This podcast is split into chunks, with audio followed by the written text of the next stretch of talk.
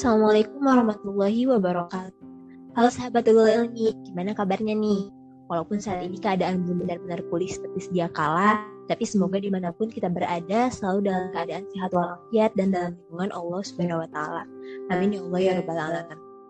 Sebelumnya perkenalkan, nama saya Rahmi Rahmayati dan insya Allah di podcast episode kali ini akan menemani teman-teman semua untuk ngobrol satu dua hal yang menjadi keresahan kita sebagai manusia. Nah dan tentunya saya sendirian nih teman-teman. Di sini bersama dengan saya ada Teh Melina. Assalamualaikum Teh Mei. Waalaikumsalam warahmatullahi wabarakatuh. Gimana kabarnya nih Teh Mei? Alhamdulillah baik. Alhamdulillah. Oke, sebelum kita masuk obrolan, saya ingin memperkenalkan Teh Melina dulu nih teman-teman. Jadi Teh Mei ini juga salah satu anggota DKM Mulut Ilmi yang alhamdulillah sudah menjabat sebagai bendahara bidang kaderisasi di periode 2020-2021. Jadi tentunya sudah lebih berpengalaman daripada saya nih. Nah dengan pengalaman Teh Mei ini, kita akan ngobrol-ngobrol santai dengan tema cobaan datang untuk menguatkan manusia. Oke, berbicara mengenai cobaan. Sebagaimana kita tahu bahwa Allah memberikan cobaan kepada setiap manusia. Karenanya manusia itu kadang nggak pernah berhenti mengeluh. Setiap harinya itu ada aja yang dikeluhinkan ya. Tapi keluhannya itu beda-beda. Nah menurut Teh Mei, kenapa sih Allah memberikan cobaan kepada manusia itu berbeda-beda? Uh, baik, dari pertanyaan yang pertama ini, uh, Bismillah ya, kita izin menjawab. Uh, mungkin kalau ada yang kurang tepat atau ada hal-hal yang memang harus diluruskan, mangga diluruskan saja. Di sini kita sama-sama belajar ya, kita juga masih belajar, kita sama-sama sharing aja nanti. Walaupun memang ada kesalahan bisa saling meluruskan. Nah di sini kenapa sih uh, kita itu menerima cobaan itu berbeda-beda? antara Mei, Tete, antara Rahmi, antara Nida juga atau teman-teman yang lain. Kenapa sih berbeda-beda? Perlu kita ketahui pada hakikatnya uh, dunia itu adalah ujian. Yang pertama kita tahu pastinya manusia pertama yang diciptakan oleh Allah itu adalah Nabi Adam. Nabi Adam diuji, diberi hukuman untuk turun ke dunia karena telah melanggar apa yang sudah Allah tetapkan. Nah, ketika kita diberikan ujian, kita ingat-ingat saja bahwasanya dunia itu adalah hukuman bagi Nabi Adam. Di mana kehidupan itu ya semuanya adalah ujian. Semua orang pasti akan diuji. Baik itu dari harta, dari kesehatan, dari mana pun pasti akan diuji. Misalnya seperti perekonomiannya yang kurang atau mungkin uh, dari kesehatannya dan lain sebagainya ada yang ujiannya sedikit, ada juga ujiannya yang berat gitu ya. Semua tergantung dari kadar keimanan seorang manusia itu sendiri. Di mana uh, eh, Allah berfirman dalam Quran Surat Al-Baqarah ayat 286 bahwa Allah tidak membebani seseorang melainkan sesuai dengan kesanggupan hambanya. Jadi kita yakin bahwa ketika Allah itu memberikan ujian kepada kita, ujian yang berat, berarti Allah itu sudah percaya, percaya kepada kita bahwasanya kita itu dapat melalui semuanya. Walaupun memang terasa berat, terasa kayak banyak ngeluhnya gitu ya. Tapi Allah tuh sudah percaya gitu. Allah sudah memberikan ujian itu kepada kita untuk apa? Untuk meningkatkan derajat kita di hadapan Allah. Nah, selain itu, Allah juga menjanjikan orang-orang yang beriman dengan ujian yang berat, di mana Hal tersebut Allah, bersi Allah berfirman dalam Quran Surat Al-Ankabut ayat 1 sampai 3. Bismillahirrahmanirrahim. Alif Lam Mim. Ahasiban nasu ayat raku amanna wa hum la yuftanun.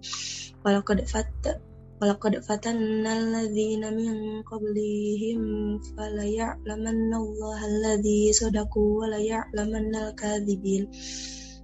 Artinya, Alif Lam Mim. Apakah manusia mengira bahwa mereka akan dibiarkan hanya dengan mengatakan kami telah beriman dan mereka tidak diuji lagi? Dan sungguh kami telah menguji orang-orang yang sebelum mereka maka Allah pasti mengetahui orang-orang yang benar dan pasti mengetahui orang-orang yang dusta.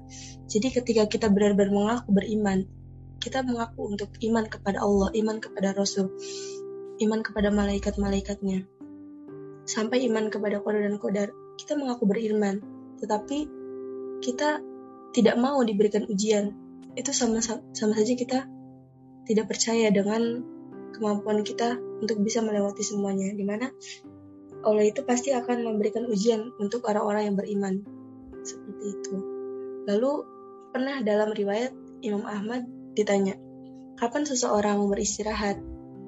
Lalu Imam Ahmad menjawab, sampai dia menginjakan kakinya di surga, baru dia bisa istirahat.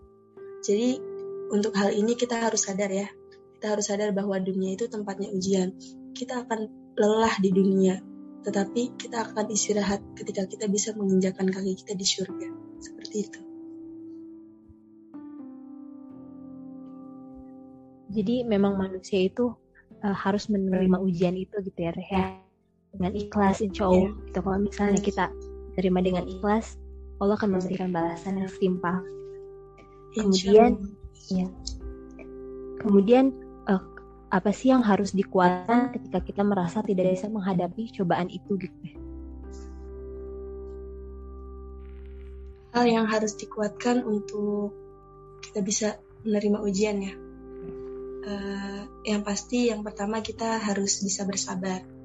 Di mana Allah sudah berjanji ya dalam surat Al-Baqarah Innallaha ma'as-sabirin di mana Allah akan selalu bersama dengan orang-orang yang bersabar karena ketika kita mendapatkan ujian apalagi sih yang kita harapkan apalagi selain dari pertolongan dari pertolongan Allah Jadikanlah sabar dan sholat sebagai penolongmu. Jadi jangan lupa yang pertama, kuatkan iman. Di mana iman itu pasti akan berpengaruh ketika kita uh, mendapatkan ujian. Lalu kita juga perbanyak sabar. Sabar ketika ujian itu datang bertubi-tubi. Sabar ketika misalnya ada orang yang sangat kita sayang meninggalkan kita terlebih dahulu seperti itu. Lalu yang ketiga, yang pertama ada iman, sabar, dan yang ketiga itu syukur. Kenapa kita harus tetap bersyukur? Karena ketika kita diberikan ujian, bisa jadi dosa-dosa kita itu sedang dihapus oleh Allah. Benar-benar, Insya Allah diberikan ujian seberat ini. Tapi Alhamdulillah saya masih bisa diberikan kesehatan, saya masih bisa diberikan uh, ketenangan oleh Allah untuk bisa dekat dengan Allah, untuk bisa terus memperbanyak berdoa lebih dekat dengannya. Dan bisa jadi ketika kita bisa bersyukur dengan ujian yang kita dapatkan benar-benar Allah tuh meninggikan derajat kita di hadapan Allah. Walaupun mungkin ujiannya bisa jadi apa ya kita itu terlihat rendah gitu di hadapan manusia. Tapi Allah tuh gak akan gak akan apa ya istilahnya kayak ngebiarin gitu aja gitu. Pasti akan ada balasannya. Ketika benar-benar hambanya ini bersabar, terus juga bersyukur atas apa yang telah ia terima, apa yang sudah Allah takdirkan dalam lawul mahfuz, dalam kode dan kodarnya Allah, benar-benar kita itu berarti gitu, kita berharga di hadapan Allah. Sabar aja, yang penting kita bisa menerima, kita bisa husnuzon dengan Allah, apa yang sudah Allah tetapkan, apa yang sudah Allah berikan kepada kita, entah itu hal-hal yang baik, entah itu hal-hal yang tidak kita senangi, pastinya tidak luput dari campur tangan Allah, tidak luput dari takdir yang sudah Allah tetapkan kepada kita. Lalu uh, dalam hadis juga Rasulullah dalam hadis Muslim nomor 223 sabar itu adalah cahaya kehidupan. Jadi benar-benar harus perbanyak sabar ya, jangan sampai kita itu benar-benar memfonis kalau sabar itu ada batasnya enggak. Sabar itu enggak ada batasnya. Sampai kita benar-benar bisa menginjakan kaki kita di surga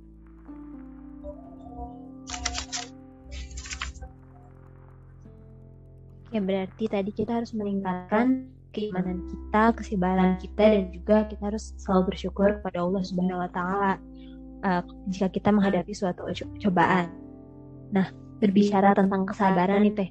Kan kalau misalnya sabar itu berarti kita harus ikhlas saat menerima cobaan itu kan ya teh ya? Nah tapi kadang kita tuh susah banget teh buat ikhlas gitu. Nah cara membersihkan hati supaya kita ikhlas ketika mendapatkan suatu cobaan gimana sih teh izin menjawab lagi ya untuk bagaimana sih caranya kita agar bisa benar-benar ikhlas gitu dengan menerima takdir yang sudah kita terima. Nah, mungkin balik lagi untuk yang pertama yang tadi kita harus benar-benar bisa meningkatkan keimanan kita, di mana kita harus bisa percaya terhadap kode dan kodarnya Allah, iman kepada kode dan kodarnya Allah. Lalu semua yang terjadi itu atas campur tangan siapa? Pastinya campur tangannya Allah. Pasti tidak ada uh, semua yang kita lakukan itu di luar kehendak Allah. Pasti tidak ada. Jadi baik itu takdir yang kita senangi, takdir yang tidak kita senangi, percaya aja bahwa itulah yang terbaik untuk kita. Lalu yang kedua, kita harus bisa ridho ridho itu benar-benar uh, apa ya benar-benar bisa menerima semuanya gitu. Semua ketentuan Allah. Jadi kita itu harus memiliki mindset di mana ketika kita menerima ujian tanamkan dalam diri kita mindset kita itu benar-benar mudah mudah-mudahan ada hikmah di ada hikmah di dalamnya. Mudah-mudahan ini yang terbaik untuk kita. Walaupun memang terkadang takdir kita itu uh, apa ya masih kurang sesuai dengan ekspektasi yang sudah kita harapkan seperti itu. Jadi jangan kufur nikmat, jangan sampai kita merasa kita itu orang yang paling berat ujiannya. Tapi coba lihat di luar sana, pasti akan ada eh, orang-orang uh, yang lebih berat ujiannya. Kalau kita melihat dari sejarah, sirah nabawiyah, pasti Rasulullah itu benar-benar orang yang sangat berat gitu ujiannya di mana beliau berdakwah banyak ditentang oleh kaumnya seperti itu kan. Lalu jangan sampai kita merasa bahwa kita itu paling berat paling ya kita aku nggak bisa aku nggak bisa jangan jangan sampai kita berpikir seperti itu.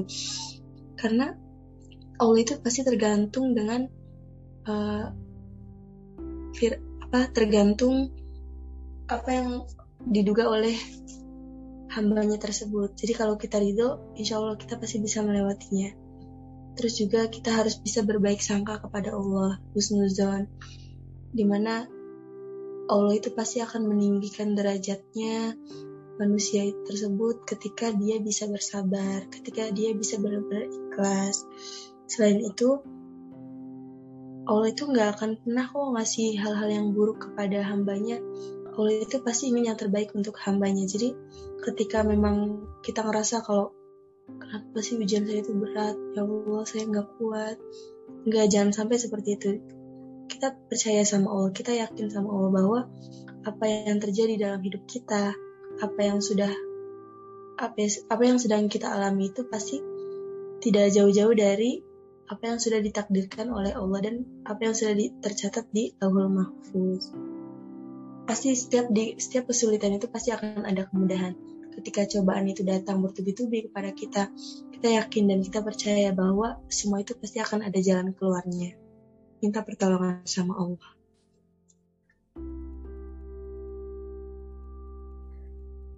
Oke.